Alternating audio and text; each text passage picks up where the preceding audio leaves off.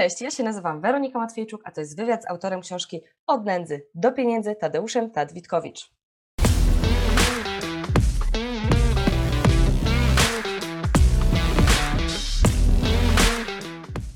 Witam Cię na kolejnym już wywiadzie z autorem książki, e, którą dostaniesz na księgibarneja.pl, księgarni stworzonej przez przedsiębiorców, dla przedsiębiorców i dzisiaj będziemy rozmawiać o książce Od nędzy do pieniędzy, a moim i Twoim gościem jest Tadeusz Tadwitkowicz. Cześć Tad!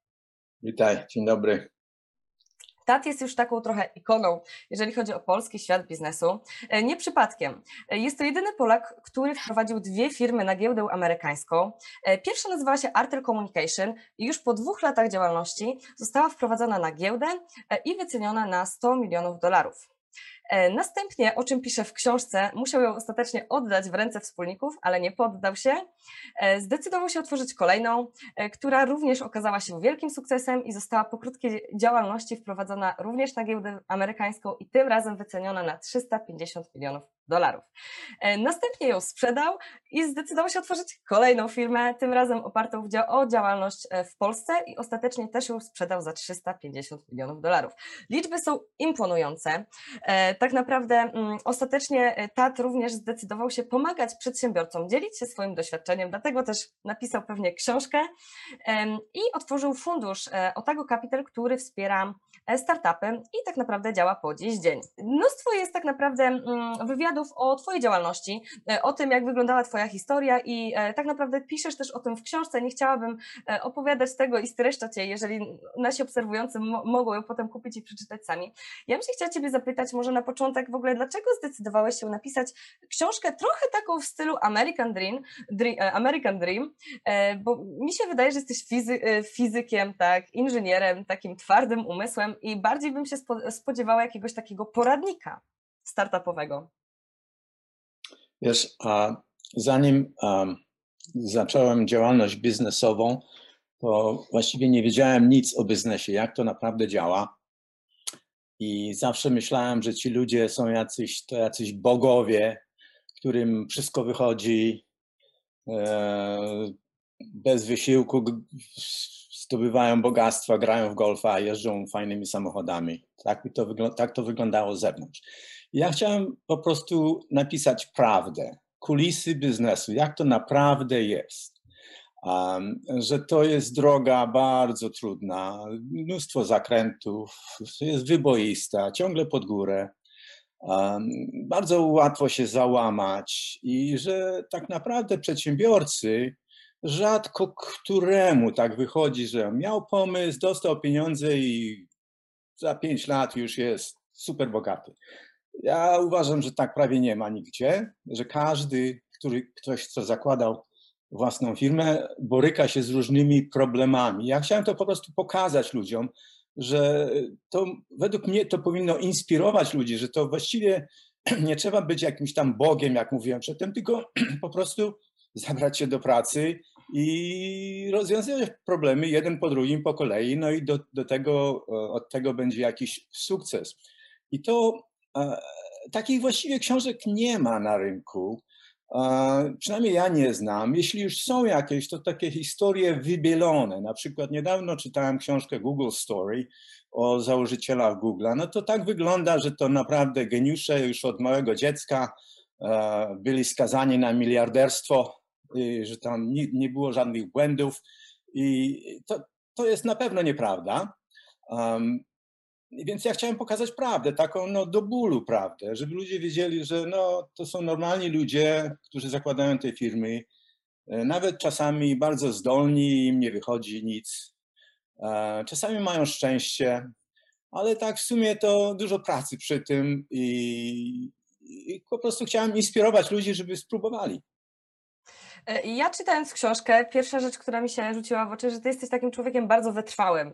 I właśnie tak jak często powtarzasz o tej pracy, tak, to praca to jest jedno, ale żeby się nie poddawać i cały czas, mimo jakichś takich mm, kroków, które, które trzeba, często nie są proste, tak podjąć, e, to się nie poddawać. Wydaje mi się, ja bym tutaj tak od siebie jeszcze dodała, e, że to jest taka bardzo ważna część tej książki. Książkę już napisałeś e, ponad 10 lat temu. E, czy w Twoim podejściu do biznesu i w ogóle do działalności, e, czy w Polsce, czy w Ameryce biznesowej, coś już się zmieniło? Coś byś dodał do tej książki? Wiesz, skrystalizowało mi się pojęcie przedsiębiorcy.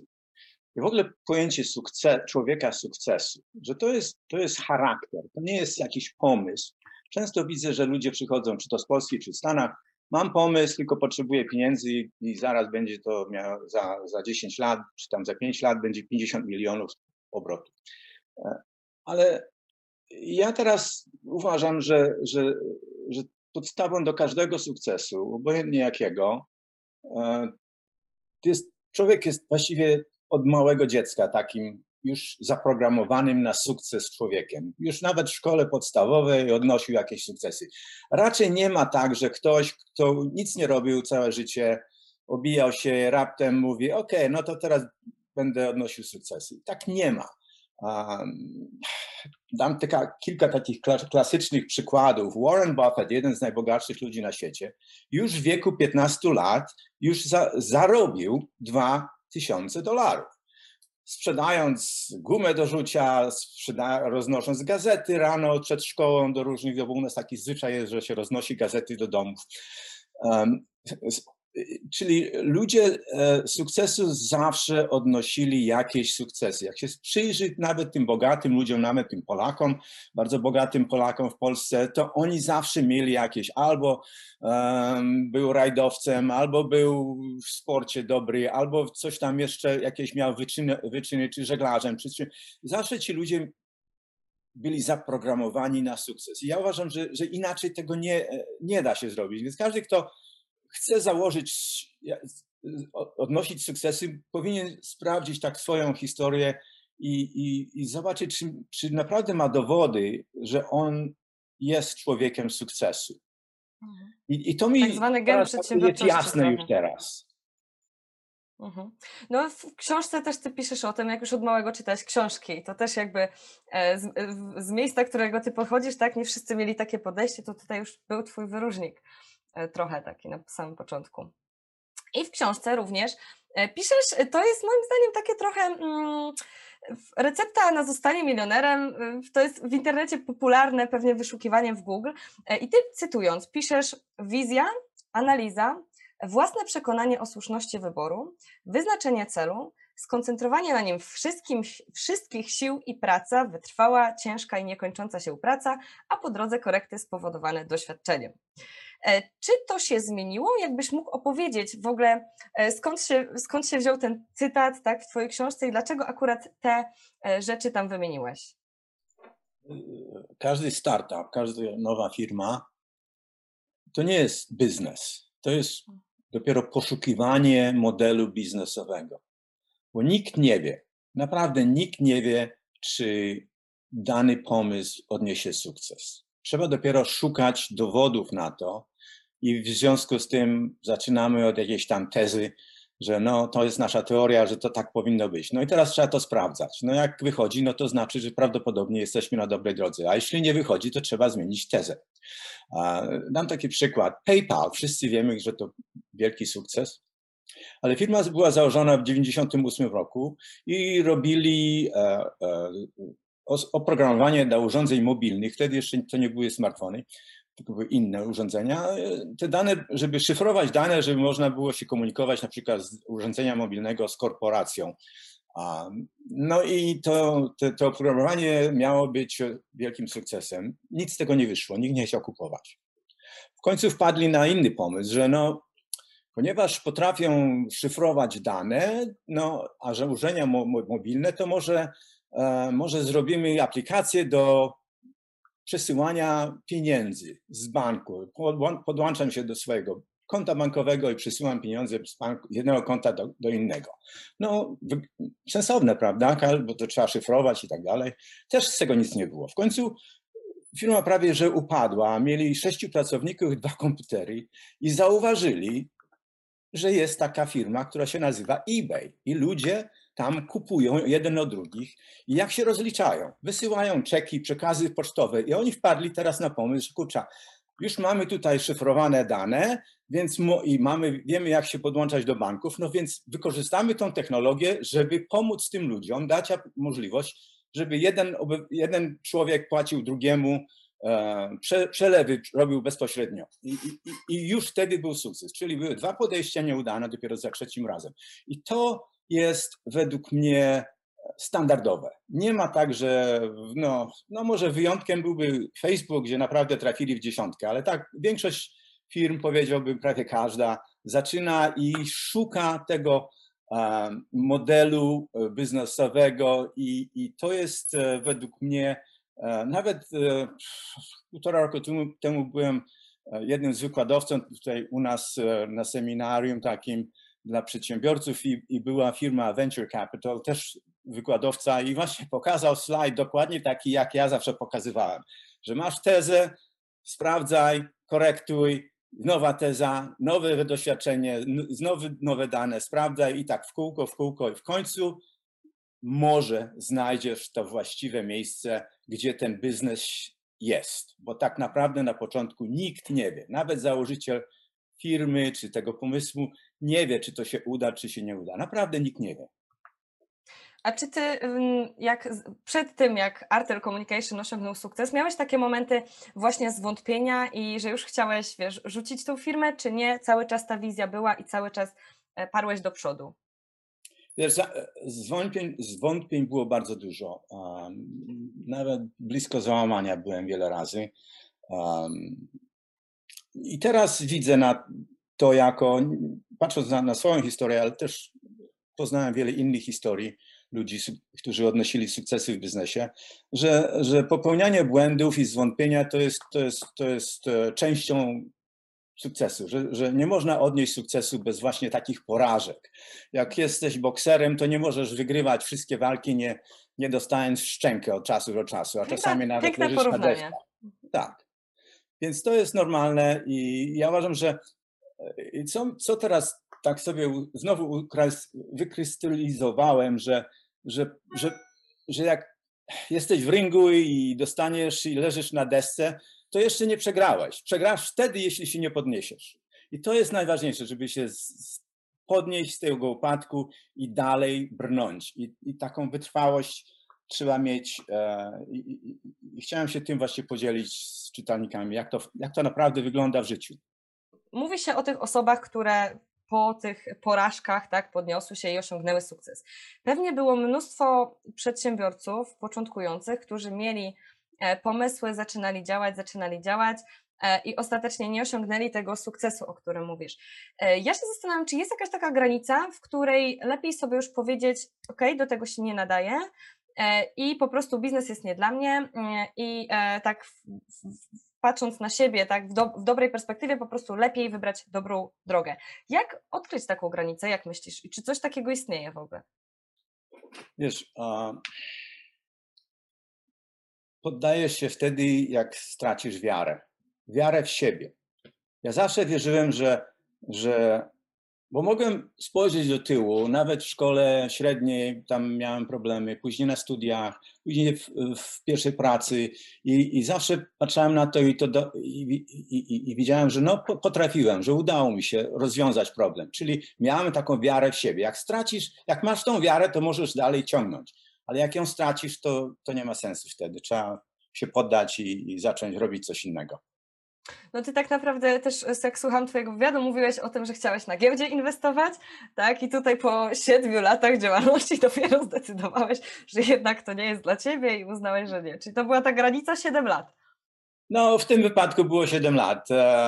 Kiedyś e, e, myślałem, że jestem dobry w piłce nożnej, bo mieszkałem w Kanadzie i akurat przeprowadziliśmy się i tam grałem w takiej drużynie naszej firmowej, bo firmy tam ze sobą konkurowały i, i dobrze mi szło, więc przeprowadziliśmy się tutaj do Stanów i od razu się zapisałem do, do takiej drużyny miejskiej.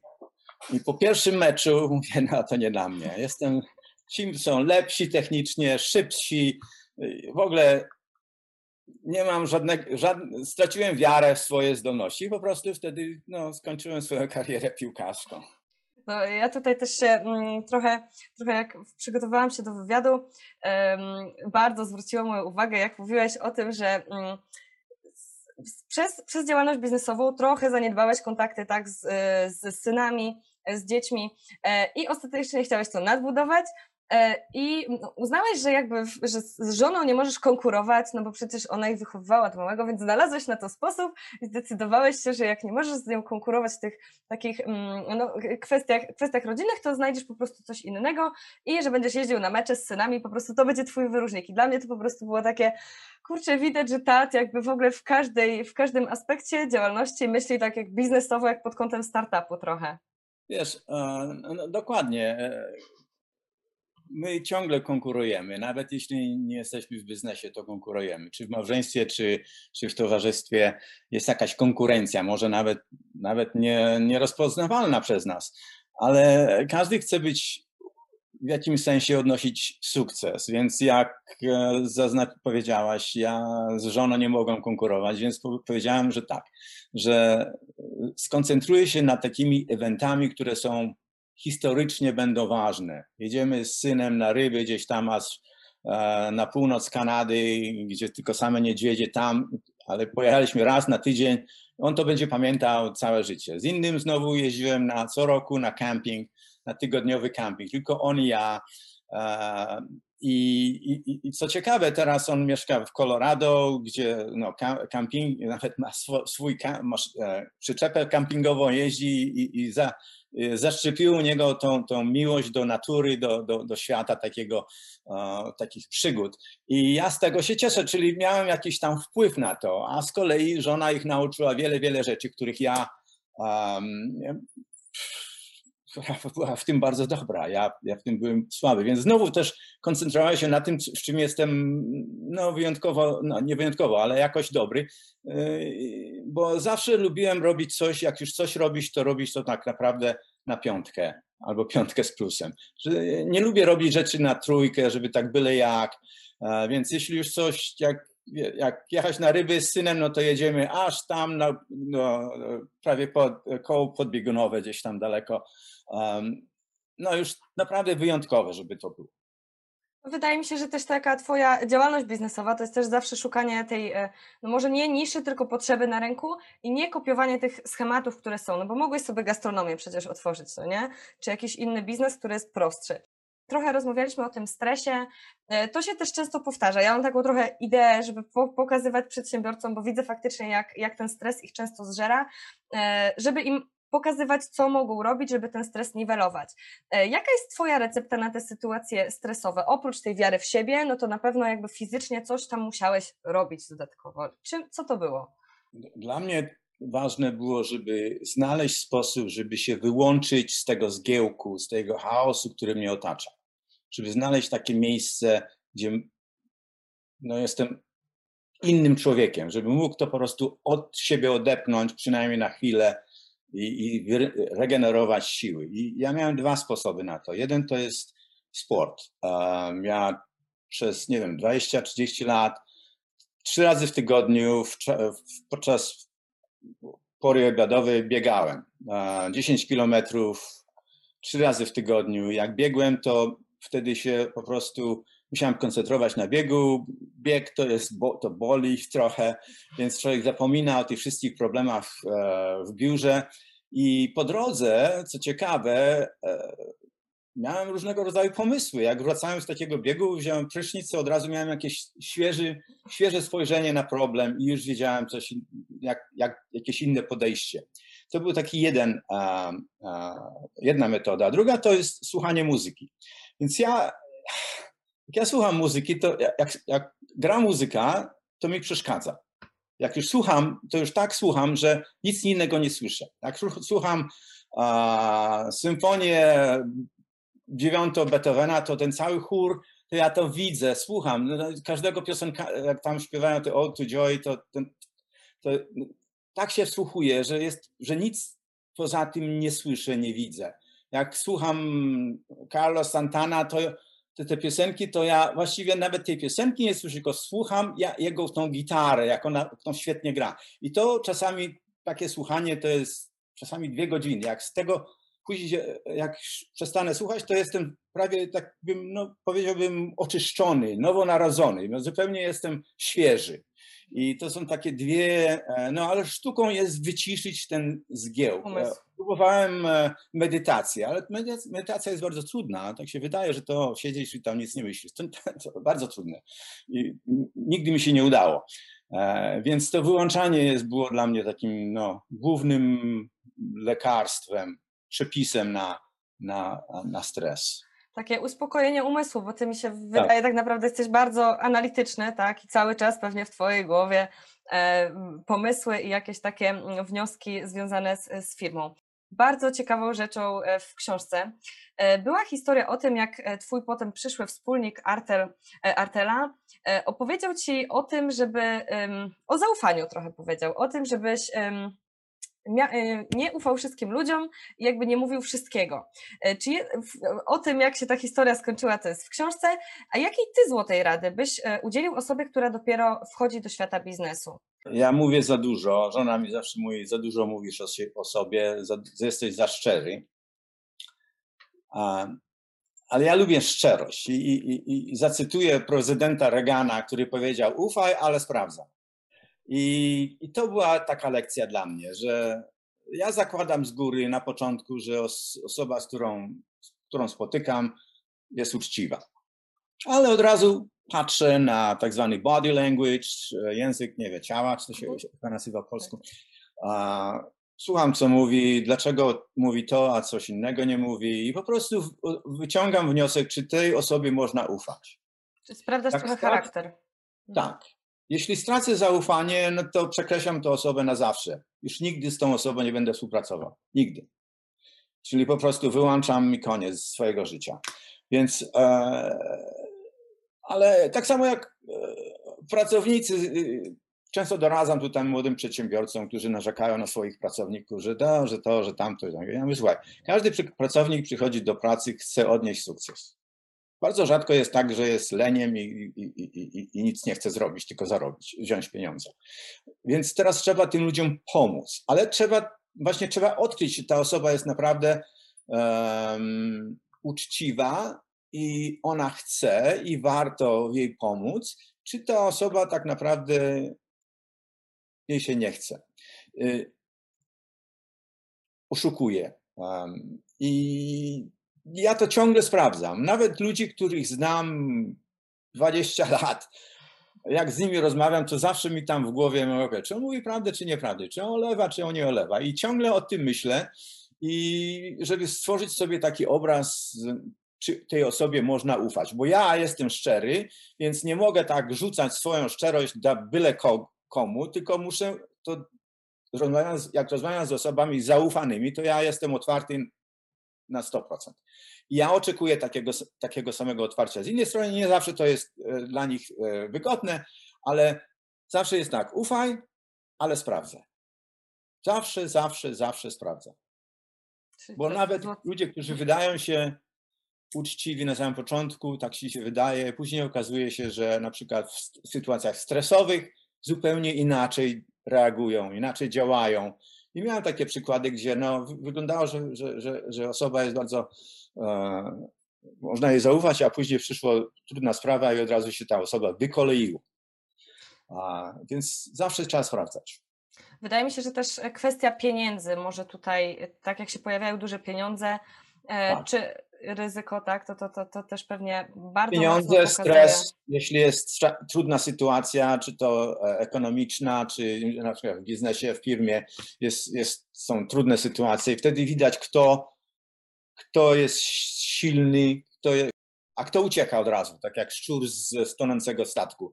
I, I takim ludziom no, nie można ufać. W, Ameryce jest taka moda trochę, mm, już wspomniałeś o pracownikach trochę, że się dzieli udziałami. Mm, po to, żeby właśnie pracownicy e, działali tak, patrzyli na firmę jak na swoją.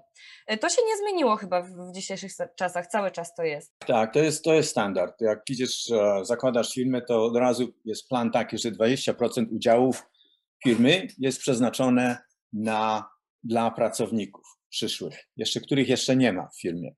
Zresztą to jest wymagane przez inwestorów, bo każdy, że inwestorzy wiedzą, że jedna osoba firmy nie zbuduje, że trzeba mieć dobry team, no a żeby team był zmodyfowany, to trzeba, żeby jego interesy były takie same jak inwestora interesy, jak in, interesy w interesie inwestora i w interesie założyciela firmy, że wszyscy grali do tej no, na, bramki. na jedną bramkę, na, a nie tak, że każdy na, dla siebie grał. Tak, to wydaje mi się, że w Polsce jeszcze ta mentalność oczywiście już się zmienia, tak? Ale e, to bardzo bym chciała, żeby właśnie wybrzmiało to, że e, moim zdaniem to też jest dobre podejście do biznesu. E, I tak naprawdę pytanie, kiedy w Polsce faktycznie przedsiębiorcy zobaczą w tym wartość i też będą tak działać. Myślisz, że no to jest do wypracowania, czy to jakby taki nasz charakter, że nie ufamy ludziom, tak trochę historyczny i że tak nie zrobimy? Wiesz, no to, nie, to, to troszkę bardziej skomplikowane, bo na przykład w Polsce jest prawo. Teraz niedawno się o tym dowiedziałem nawet, już tyle lat działam w Polsce, dopiero się dowiedziałem, że e, udziałowiec firmy nawet z malusieńkim udziałem, malusieńkim, ma prawo wejrzenia w księgi książk e, e, firmy, że ma prawo dostęp do wszystkich prawie informacji. Co może być niewygodne, jeśli ta osoba akurat pracuje u konkurenta, nie? Odejdzie od ciebie, idzie, zakłada konkurencyjną firmę. Więc trzeba to uważać.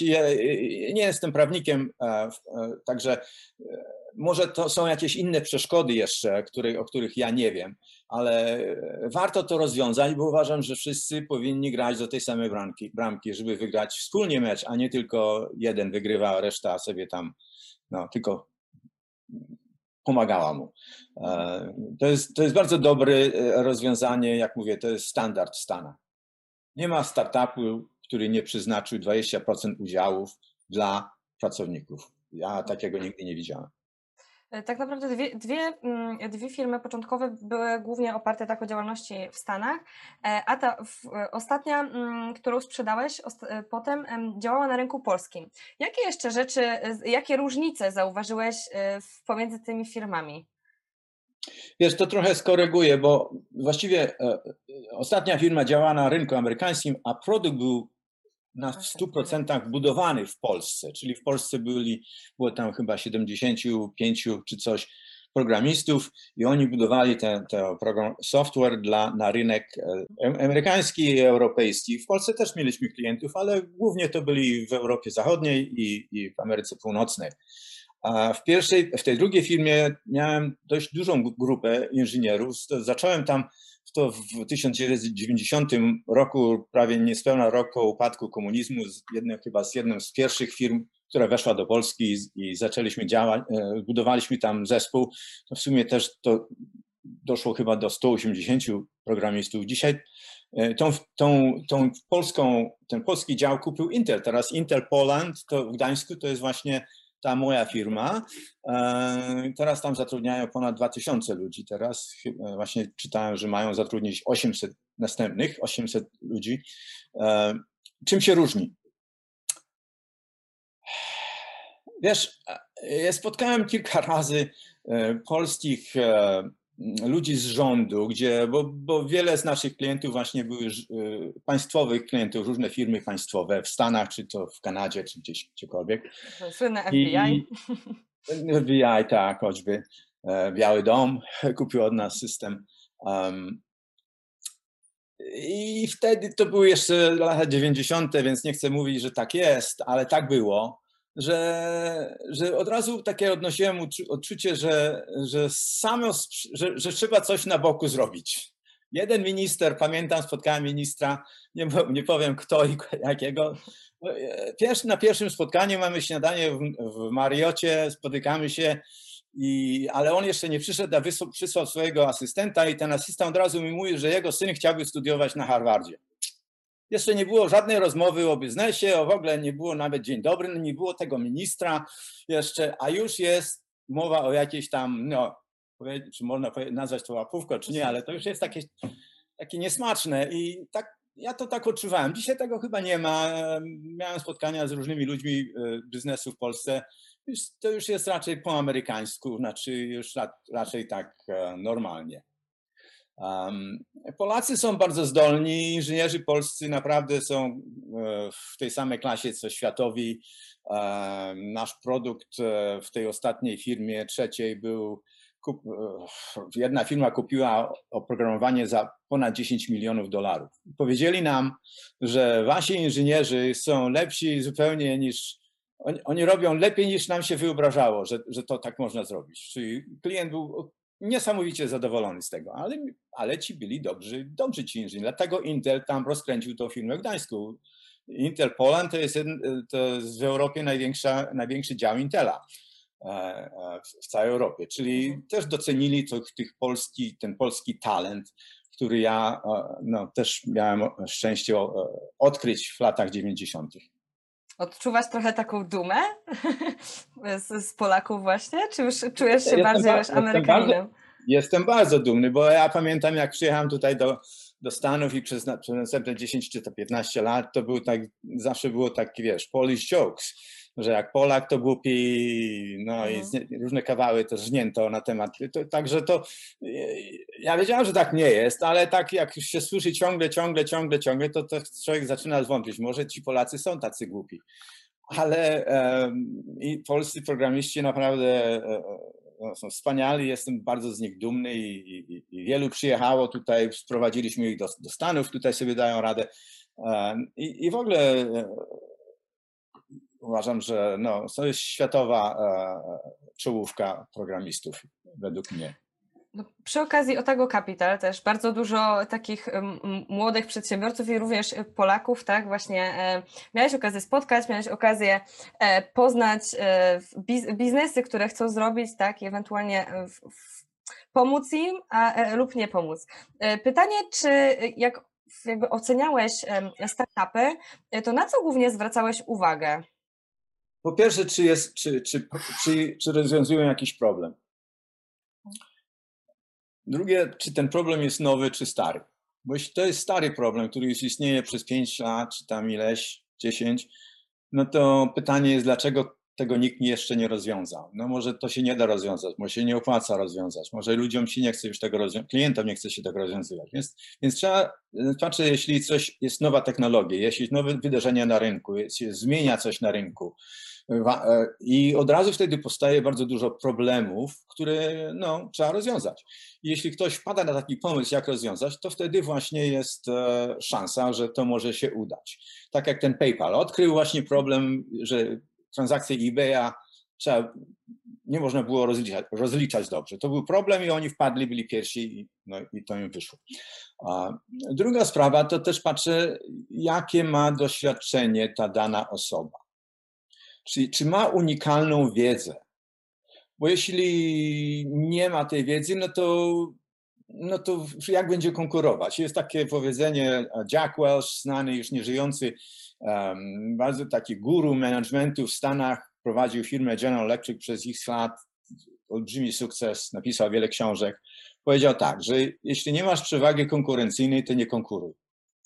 Więc zawsze szukam, na czym polega przewaga konkurencyjna tego pomysłu czy to jest jakiś talent, dana osoba ma, czy ma jakąś unikalną wiedzę, czy wymyśliła jakieś rozwiązanie, które jest tam opatentowane, czy, co, czy, czyli musi być coś unikalnego, bo inaczej, bo firma, która zaczyna od zera, to właściwie nikt nie chce od niej kupować. Nikt.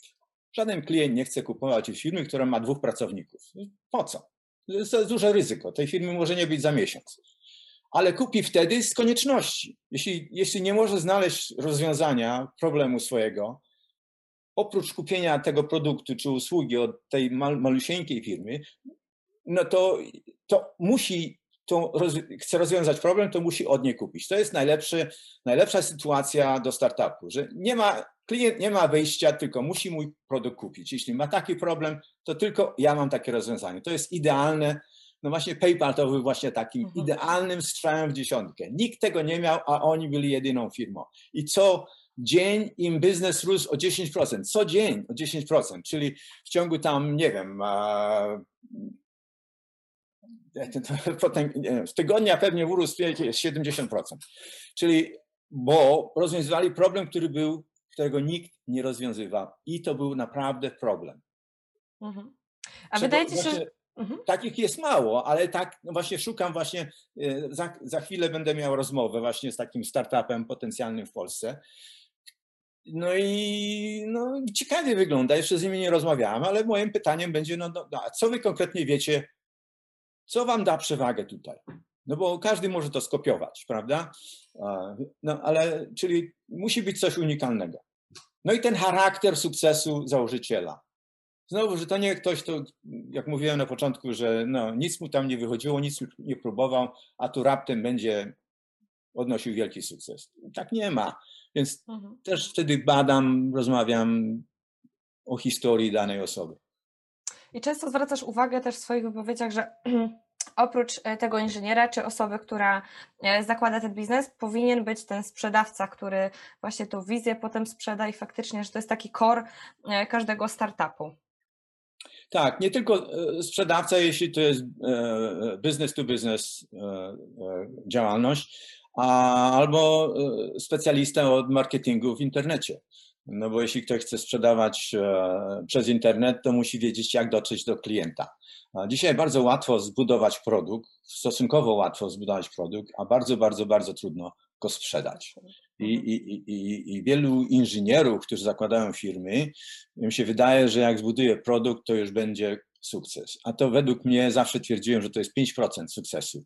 Trzeba, najtrudniej jest właśnie zdobyć klienta. To jest wyzwanie dla każdej firmy. Nie produkt łatwo. Zdobycie klienta, nie wiem, 100 razy trudniejsze albo więcej. Jak wykładałeś na Esbiro, to pamiętam też, że coś takiego po e, powiedziałeś, nie wiem, czy to było w kuluarach, czy to było na wykładzie, e, że większość Twoich pieniędzy, które zainwestowałeś w startupy, e, były przepalone. Tak naprawdę, jeżeli nie miałeś żadnego z tego zwrotu, mimo wszystko jakby cały czas, tak jak mówisz, masz, masz rozmowy odnośnie inwestowania. Jak myślisz, jakie błędy najczęściej popełniały te osoby lub jakie były w tych, w tych biznesach, w które zainwestowałeś i nie wyszły? na co powinni jakby osoby, które mm, myślą o biznesie, o startupie, na co powinni w szczególności uważać? Za mała koncentracja na sprzedaży. Teraz właśnie mam aktyw, aktywną taką rozmowę z, z założycielami, dwoma, dwóch chłopaków młodych z Silicon Valley. Już zainwestowałem w ich pieniądze, trochę pieniądze w nich jeszcze z zeszłego roku. No i ostatnio zacząłem z nimi rozmawiać i, i, i, i i widzę, że mają słabą strategię. Że oni chcą zbudować, jak to po angielsku mówi, boil the ocean, czyli chcą zagotować cały ocean, żeby rozwiązać no, niesamowity, duży problem. To, to jest po pierwsze niemożliwe, za mało pieniędzy, za mało czasu i jak zbudujesz taki kompleksowy produkt, to klient tego nie będzie mógł używać. Więc skoncentrujmy się na czymś, co jest naprawdę wykonalne i, i, i rozwiązujesz ten najbardziej bolący problem. I, I tu jest właśnie problem, że większość startupów nie koncentruje się na tym, żeby jak to sprzedać, żeby to było jak najłatwiej, żeby klient to używał ciągle. I tu jest wyzwanie, a nie w budowaniu produktu. Jest nawet takie pojęcie MVP, e, Minimum Viable Product e, w Stanach, gdzie trzeba najpierw, żeby no, tak jak mówiłem na początku, trzeba sprawdzać, czy, czy, czy ten pomysł się w ogóle da sprzedać. I, i tego ludzie nie robią. Za długo czekają i, i, i budując ten produkt, później brak im pieniędzy. E, I kiedyś tak, e, e, takie porównanie czytałem, że, że startup to tak jak samolot napełniony na, na lotnisku. Jeśli celem jest w lot w górę, ale jeśli samolot jeździ po lotnisku i tam i z powrotem, no to spali, spali paliwo i później nie ma czym mhm. wylecieć. I tak samo jest z tymi startupami. Za dużo siedzą w laboratorium, w pracowni, a za mało z klientami. Naprawdę za mało. I prawie każda z tych firm, które mu się nie wyszło, ma ten sam, popełnia ten sam błąd. Za mało. Mimo tego, że się im mówi, że oni niby tak, tak, tak, ale usposobienie ich, że ich tam taki ten, ten instynkt jest właśnie, a, lepiej zrobić lepszy produkt niż znaleźć pięciu nowych klientów. Mhm. Czy zwracasz też uwagę, no bo jak się inwestuje w biznes, to w, w, w mojej opinii, jakby jak z, z, ludźmi rozmawiałam, to jak ktoś już zainwestuje jakieś pieniądze, no to wtedy też inaczej patrzy e, na ten biznes i dopiero potem może szukać inwestorów. E, czy ty inwestujesz w takie osoby, które już bardzo dużo jakiejś pracy wykonały, już coś zainwestowały, czy jakby, jeżeli to są osoby takie, które w ogóle całkowicie zaczynają i nie włożyły pieniędzy również? Wiesz, każdy inwestor szuka dowodów czy ten pomysł się uda jako biznes. Więc im więcej dowodów, tym lepiej. Jeśli ktoś ma trze- zaliczył już trzech klientów, to ja chcę rozmawiać z tymi klientami. Dlaczego kupili? Czy używają? Czy patrzyli na jakąś inną, inne rozwiązania? Dlaczego? I, i tak dalej, i tak dalej. Bo wtedy, wtedy jest jakiś dowód, że przynajmniej ktoś dał pieniądze za ten produkt. Czyli właśnie szukam takich e, sytuacji, gdzie, gdzie jest jakieś, jakieś, no, jakaś przesłanka, że, że, że, że to może zadziałać. Też nie wiadomo, czy to będzie do końca działać, bo, bo, bo można sprzedać no, losowo, że ktoś kupił przez błędnie na przykład. Dlatego rozmawiałem, rozmawiałem z klientem, bo, bo, czasami klient się pomylił. kupiłem, myślałem, że to będzie robić tak, ale to nie działa, a nie ma o czym gadać. Tak często, też często bywa. Więc z reguły ktoś, kto już się poświęcił, ktoś coś co zrobił na własną rękę, ma jakiś prototyp, znalazł paru klientów, no to wtedy jest naprawdę wygląda ciekawie. Ktoś, kto dopiero tylko zaczyna, mam pomysł, a dalej pracuje. Eh, ja też mam pomysł. Ja mam, ja uważam, że mam tyle samo pomysłu, może więcej niż ktoś inny, ale to wcale nie znaczy, że, że z tego jest biznes, bo pomysł, jak mówię, no, zawsze mówię, że to jest no max 5% sukcesu. 95% to jest właśnie, tak jak Thomas Edison powiedział, na 5% inspiration, 95% perspiration, czyli 5% pomysłu, a 95% potu. Kojarzy mi się, że to też właśnie wśród, wśród osób, które trenują sztuki walki, to też się, też taki podobny cytat chyba był.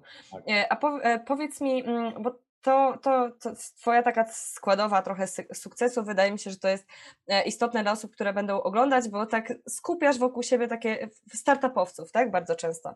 E, I wspominałeś też o tym, że trzeba patrzeć na to, w jakim kierunku idzie rynek.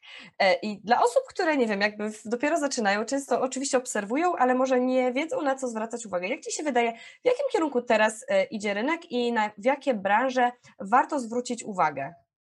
Wiesz, Technologia, technologia, technologia. Nic więcej. Technologia dzisiaj. mam, wyślę linka do artykułu firmy McKinsey. To jest firma znana światowej klasyk, firma konsultingowa. Zrobiła analizę i, i, i, i pokazuje taki wykres, które zawody będą za 10 lat. Jaka jest przyszłość tych zawodów?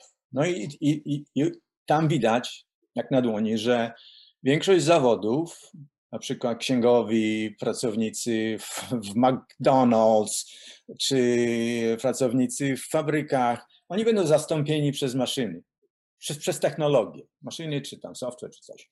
Czyli technologia jest tutaj absolutnie, e, reszta się nie liczy. Nie wiem, czy wiecie, że szczepionkę na covid zrobiono w ciągu 65 dni. 65 dni od, od, od Moderna zaczęła e, badania nad szczepionką. Po 65 dniach już zaszczepili pierwszego kandydata, znaczy człowieka jako testowa, e, jako test. Normalnie szczepionki trwały, budowanie szczepionki to było 10 do 12 lat. I, a oni w ciągu tak naprawdę 8 miesięcy mieli już produkcję na miliony e, szczepionek, poszły w świat. Czyli technologia jest, skróca, zmienia cały świat. Więc teraz tak, jeśli ja byłbym młodym człowiekiem dzisiaj i zaczynał karierę albo w ogóle prowadził jakiś biznes, to tak, albo tworzyć technologię, albo tą technologię wykorzystywać do pracy, zastąpić ludzi, zrobić lepszą wydajność. E, to tak jak wiesz, e, farmer, który E, jeden, dawniej koni pług, a dzisiaj mój syn tam robił takie do, firmy dokumentalne, 40 traktorów jedzie i orze, 40. I to automatycznie są prowadzone przez satelitę. No to przecież tak, tu jest zastosowana technologia do produkcji żywności, to taki jeden z koniem nie ma szans. I, i tak, i, i do tego zmierza cały świat, że technologia będzie coraz większą odgrywać rolę. Już dzisiaj sztuczna inteligencja rozpozna zdjęcia rentgenowskie z lepszą dokładnością niż specjaliści lekarze, a, przy, a na pewno dużo lepszą niż przeciętny lekarz, do którego my chodzimy. Czyli sztuczna inteligencja może zbadać zdjęcie rentgenowskie i wykryć, czy jest, jest rak piersi na przykład, czy nie, czy, czy jakieś tam inne, czy, czy zapalenie gdzieś tam gruźlica, no to różne tam choroby są, prawda? E, więc ta technologia absolutnie jest nie do zatrzymania w tej chwili. Bardzo dużym rynkiem jest teraz zdrowa żywność, ekożywność. Czy to nie jest też na przykład branża, która jest perspektywiczna i warto tutaj zwrócić na nią uwagę? Tak, tak. E, no ludzie młodzi są bardziej wykształceni dzisiaj niż, niż generacje tam poprzednie i są świadomi tego, że, że to, co jesz, ma wpływ na, na, na Twoje życie, na Twoje e, zdrowie. E, tak, tylko znowu trzeba patrzeć z tego punktu, jako punkt, z punktu widzenia biznesu dobrego, czy, czy, czy to się uda, czy ludzie będą to kupować, czy, i, i, czy tę metodę sprawdzania, teza, sprawdzanie, analiza, korekta i tak dalej, to trzeba zrobić, ale tak, e, zielone technologie też są ważne. Świat, no, ten dwutlenek węgla trzeba jakoś zmniejszyć, e, bo to się zagraża ludzkości. E, zdrowe jedzenie, e, fitness, to wszystko jest się rozwija, ale wie, większość tych rzeczy właśnie bazuje na technologii. Nawet jedzenie to są różne tam genetyczne e, zmiany się robi w niektórych e, na przykład warzywach, żeby rosły lepiej, żeby rosły w, w, cieplarniach, żeby były smaczniejsze e, i to do tego się używa technologii. Zastanawiam się, jaka jest tutaj szansa biznesowa dla osób, które nie są analityczne i nie lubią technologii i wiesz, bardziej są humanistami. Czy w ogóle to, wtedy w sprzedaż trzeba iść, to jako ten core tak, biznesu. Tak. tak. Sprzedaż i marketing. Um, tak. Um, no, najważniejsza jest sprzedaż, niestety. Kiedyś miałem wywiad w stacji, nawet chyba w Asbiro, to już dawno było, i powiedziałem coś, co, co uznano, że to jest, że nie za jakiegoś heretyka. Powiedziałem, że inżynier jest mniej ważny niż sprzedawca w firmie. To sprzedawca jest najważniejszy. No to ludzie to mówią, jak to może tak być? To przecież sprzedawca to handlarz, to byle kto. No nie, sprzedawca jest najbardziej ważny.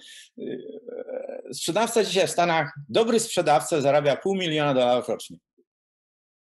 Pół miliona. A inżynier już taki naprawdę specjalista od, od sztucznej inteligencji, gdzieś tam w Google, gdzieś siedzi na topie, to zarabia 300 tysięcy. No to już taki wyjątek. Normalny inżynier zarabia 80, 90 rocznie, mówię. Ale sprzedawca pół miliona to średnio. Znam na przykład e, mój były sprzedawca, jest dzisiaj wiceprezesem, był wiceprezesem sprzedaży Cisco, później był, teraz pracuje troszkę w innej firmie, no to on, jego pensja podstawowa jest 750 tysięcy, a do tego ma prowizję pewnie drugie tyle. Mhm. Czyli tacy są oni cenni. Czy jest szansa. A, że to nie jest taki tam handlarz na przystraganie coś sprzedaje. Powiedziałeś trochę o tej aktualnej naszej sytuacji a propos szczepionki. E, dużo się mówi teraz, że będzie w Polsce kryzys, że w ogóle światowy kryzys będzie teraz, że jak my będziemy żyć za 5 lat, inflacja taka duża. Jaką masz opinię, jak to w ogóle obserwujesz? Czy już masz jakby, wiesz, się do końca tym nie interesujesz, wolisz sobie na spokojnie, czy jednak cię to interesuje i masz jakieś tam wnioski związane z tym swoje? Wiesz, ja, ja absolutnie się tym interesuję, dużo czytam, dużo patrzę. No już mam też swój wiek. E, ja uważam, że zawsze były kryzysy, nie ma, że, że dzisiaj nie jest gorzej, powiedziałbym, że jest lepiej. Um, wiesz, trzeba też e, wziąć pod uwagę fakt, że, że my to słyszymy przez internet, e, przez telewizji, um, a tym ludziom zależy na tym, żeby promować no, jakieś tam straszne rzeczy, bo wtedy ludzie jak to jest zdjęcie wypadku samochodowego, to każdy kliknie zobaczyć, prawda? Więc no, by się wydawało, że no, kurcza, ludzie giną w samochodach, w wypadkach. Jest taka książka, wyślę Ci link, ona jest na Empiku, po polsku wydana, okay. nazywa się Factfulness. Dlaczego jest lepiej niż nam się wydaje? Że, że dane pokazują, że jest dużo lepiej niż było. W każdej kategorii. Oni tam mają mnóstwo wykresów, danych statystycznych, E, że, że że prasa, internet, media w ogóle społecznościowe uwypuklają te takie tragedie i nam się wydaje, że jest fatalnie. Ja uważam, że jest lepiej niż było, na pewno. Um, no ale problemy były zawsze.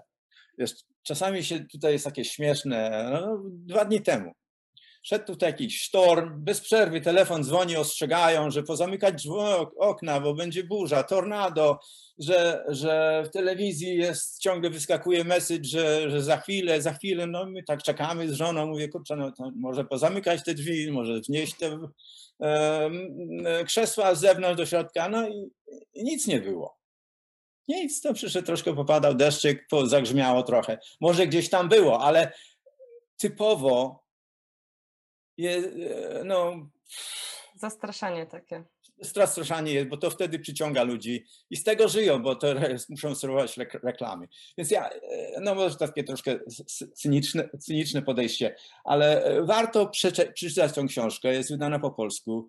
Jest naprawdę to nie jest opinia dan, autora, to jest Szwed i jego żona ze Szwecji napisali. No, świetna książka, naprawdę pokaże nam, że jesteśmy lepiej na Ziemi nigdy nie było niż teraz. Nigdy. A jaka jest Twoja rada dla osób, na przykład, y, nie wiem, mm, typu oszczędzać pieniądze w tym momencie, czy inwestować w kryptowaluty, czy właśnie skupić się na biznesie? Jakbyś mógł coś takiego, tak, tak żeby te, taką radę, może jakąś jedną mądrość związaną z tą aktualną sytuacją dla osób, które nas słuchają? Wiesz, ja, e, to jest temat, który, z którym ja się borykam, bo, bo inwestuję na giełdzie. No i w tej chwili właściwie bardzo duży procent, ponad 20% mojego majątku jest w gotówce i się męczę tym, bo to jest najgorsze miejsce trzymać pieniądze. Gotówka, bo jest inflacja. Mimo tego, że rząd mówi, że jest 2%, przynajmniej u nas, to nieprawda, to jest, jest dużo większa. Nawet u nas paliwo poszło o 50% w ciągu 4 miesięcy. 50% w górę, znaczy y, benzyna do samochodów. E, żywność idzie w górę. Czyli jest inflacja, więc trzymanie pieniędzy, jeśli ktoś ma pieniądze w banku, to, no, to traci co, co roku ileś tam procent. Więc trzeba je inwestować. Tylko teraz znowu giełda jest na szczycie, kryptowaluta jest na szczycie bardzo. Korekta droga. była mocna teraz ostatnio. No była, ale e, mówią, że będzie Bitcoin będzie kosztował milion dolarów. Nikt nie wie. To, to, to takie wiesz, pompowanie balona troszkę. E, było 64, później spadł do 30 ten, ten bitcoin. Czy, czy to Elon jest Musk inwestycja? trzy tweety zrobił i też spadł. No właśnie. Jeśli, no właśnie tak nawet napisałem ten taki komentarz, że jeśli E, koment, że jeśli komentarz Maska ma taki wpływ na wartość, to ta wartość jest, to nie ma żadnej wartości. Albo po prostu inwestorzy są zbyt naiwni, nam się wydaje, że no jak Musk powiedział to, to, to już prawda. Wiesz, odnośnie Maska, wszyscy uważamy, że to jest geniusz, naprawdę bardzo zdolny człowiek, bez, nie ma wątpliwości, ale Mało kto wie, że on ma na przykład trzy nieudane małżeństwa, czyli w, na, w bardzo ważnych sprawach osobistych. No, trzy razy błąd to rzadko się zdarza, prawda? A, że, że, że tak jest. Czyli no, też nie jest Bogiem, czyli chcę wrócić do tego naszej początkowej dyskusji, że każdy popełnia błędy i trzeba mieć, e, po prostu zdawać sobie sprawę, że, że błędami idziemy do sukcesu. Mój kolega, który znajomy tu w Bostonie, jest, zarządza portfelami bardzo bogatych ludzi. I kiedyś powiedział mi, że zapytał takiego jednego, mówi, jaki jest klucz do twojego sukcesu i dlaczego ty odniosłeś, jak, co tam było u podstawie, na, podstawą tego sukcesu. Mówi, powiedział mu tak, że wiesz co, popełniałem bardzo dużo błędów i, i się z nich uczyłem. I to był cały, cała sztuka mojego sukcesu. Po prostu potrafiłem, zdałem sobie sprawę, że popełnianie błędów to jest normalne, to jest częścią e, życia, częścią biznesu, częścią sukcesu i teraz tylko trzeba wyciągać wnioski i, i, i, i nie popełniać tego samego błędu. Czyli trzeba się uczyć, na błędach i nie się, nie, stra, nie, się, nie przestraszać się z tego, że no kurczę, popełniłem błąd, no już to taka strategia, stra, e, tragedia. A odnośnie inwestycji, czy ja wiem, e, nie chcę nikomu doradzać, bo sam nie wiem. Ale czyli, czyli wróciłeś jakby po tych siedmiu latach, coś powiedziałeś, że nie, to jednak zdecydowałeś się. A zmieniłem zupełnie, nauczyłem się, bo wiesz, e, w 1982 roku złoto poszło w górę i właściwie po takiej cenie jak dzisiaj jest. Znaczy po przeliczeniu inflacji. I poszło w górę i ja miałem tysiąc dolarów na oszczędności i zainwestowałem wszystkie pieniądze w to, no bo kurcza idzie w górę. No akurat wtedy zaczęło iść w dół i przez następne 30 lat nigdy nie wróciło do tej ceny, czyli straciłem połowę 500 dolarów na, na takiej inwestycji. To, um, to taka lekcja, że no, trudno przewidzieć. Jeszcze wracając do Maska trochę, bo to też mi się wydaje właśnie taki ciekawy, e, ciekawy przypadek. E, ja mam podobne trochę podejście do, ty, e, do, do, do, do ciebie, czyli że jakby te życie prywatne jednak jest istotne, a Mask mi się wydaje, ty też coś takiego mówisz, że Mask już ma taki trochę obłęd nie, na punkcie tego, tego biznesu. I zastanawiam się, gdzie jest ta granica, no bo tak patrząc na twoją historię tych sukcesów, to można cię śmiało porównać do, do, do Maska, a jednak E, nie popłynąłeś, tak, jesteś mega skromnym człowiekiem e, i, e, i dbasz o takie relacje. Gdzie jest ta granica właśnie tego obłędu na punkcie biznesu? No, ja na pewno mam obłęd i, i nie tylko do biznesu. Powiem ci, że no, wiecie, tam 3-4 tygodnie temu czytałem artykuł taki popularny naukowy i było wspomnienie o, o, o Einsteinie, że on, ta teoria e, względności, że, że jak się leci szybko, to zegary idą wolniej. Ja mówię, kurczę, ja pamiętam, brałem tą, to, to gdzieś tam lekcję taką na studiach, no ale i pamiętam, że, ta, że to, ta formułka była taka prosta, więc mówię, no to ja to sobie wyprowadzę tutaj. I przez trzy dni, przez trzy dni nic nie myślałem, tylko ja musiałem powtórzyć. Mogłem przecież zajść w internet i zobaczyć, jak to było zrobione. No nie, ale ja musiałem sobie, po prostu miałem obłęd na tym punkcie, nic nie, tylko, tylko o tym myślałem. W końcu mi się udało, wyliczyłem to. Okazało się, że to było bardzo proste i byłem taki troszkę wkurzony na siebie, że trzy dni zmarnowałem, a to było takie proste i dlaczego nie wpadłem na ten pomysł. Czyli taka obsesja, taki obłęd to jest, nie wiem, to jest chyba nie, jakiś deficyt charakteru człowieka. Um, Musk na pewno to ma. Ja też miałem takie obłędy, nie porównuję się do niego, ale odnośnie granicy, wiesz, trzeba robić. E, ja uważam, że nie ma granicy, ale trzeba mieć pewne e, reguły. Nie łamać prawa, nie wkrzywdzić ludzi. Trzeba zadbać o rodzinę, żeby była bezpieczna, miała z czego żyć, żeby było żeby był spokój. Ja e, odpukać e, jest, mam w małżeństwie, które już 40, ma 48 lat. Żyjemy z żoną. Nie było łatwo na pewno. I, ale dla mnie to było ważne, żeby to, te relacje, spokój w domu, żeby było bezpiecznie. E, czyli nie można tego poświęcać, że, że kosztem na przykład żony, czy kosztem dzieci, czy kosztem przyjaciół, czy kosztem prawa y, się bogacę, czy tam co robię. Ja, ja, dla mnie to jest nie do, nie do dopuszczenia. Nie, nie, to jest niemożliwe, znaczy nie, nigdy bym tego nie zrobił. E, czyli to jest ta granica. A poza tym robimy aż do oporu, aż nie osiągniesz celu. Oglądałem ten ostatni mecz Bayerna, jak Lewandowski chciał strzelić tą 41 ramkę i kurcza, i, i, aż mi go szkoda było, bo próbował tyle razy i, nie, i no, prawie strzelił, prawie strzelił i nie strzelił, i nie strzelił, i nie strzelił. W, w końcu w ostatniej minucie mu, no, wyszedł strzał i, i, i, i zdobył tą bramkę. I tak patrzę na niego, mówię, on, on, on, on nie, nie zadowolił się, ale gdyby ten mecz jeszcze trwał jeszcze 15 minut, to by chciał, na pewno chciałby strzelić następną bramkę czyli do oporu. Idziemy do oporu.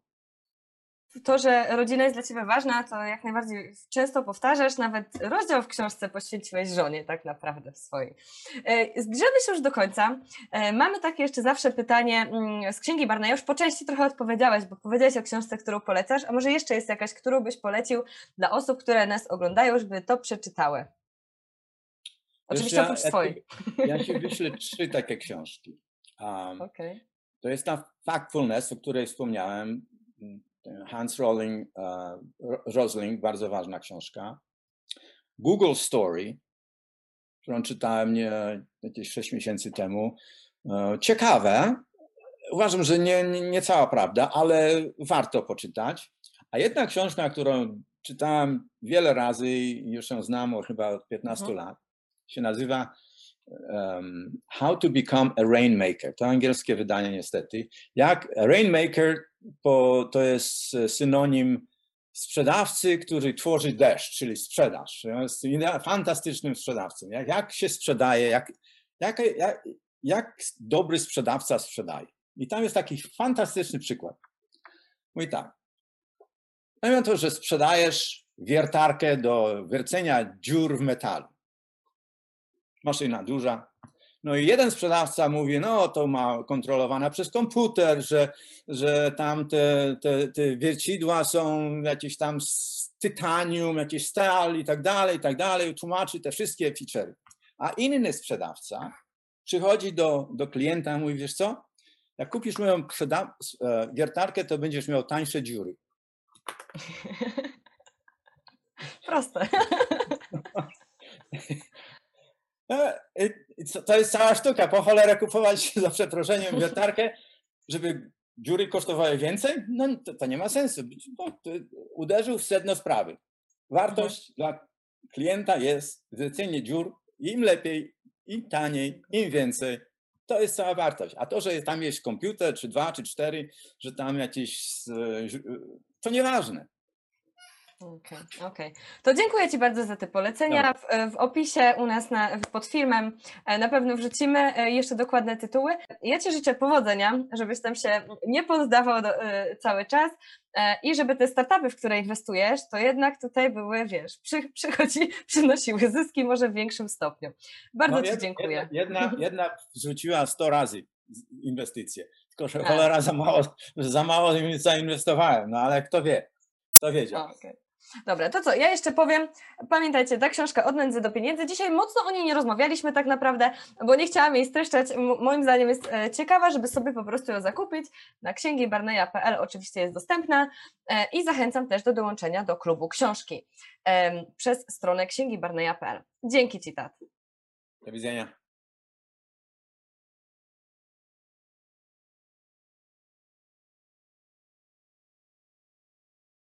Co bym radził młodym ludziom? Trzeba wyjechać świat. Jak siedzisz w małym miasteczku w Polsce, to nie ma szans, żeby coś tam odkryć, bo nawet ludzie nie wiedzą, co, co potrafią. Ja nie wiedziałem, że będę odnosił sukcesy w biznesie. Nawet nie wiedziałem nic o biznesie, zero. Miałem być naukowcem. Ale odkryłem to sobie tylko dlatego, że, że sytuacje, w których się znalazłem, pokazały mi, że kurczę, ja to, że ja potrafię to zrobić. Nie wiedziałem, że to potrafię. Czyli odkryłem przez przypadek, a ten przypadek jest wtedy, jeśli się e, e, wiesz, współdziałasz z ludźmi, widzisz, obserwujesz, rozmawiasz, widzisz, co się dzieje,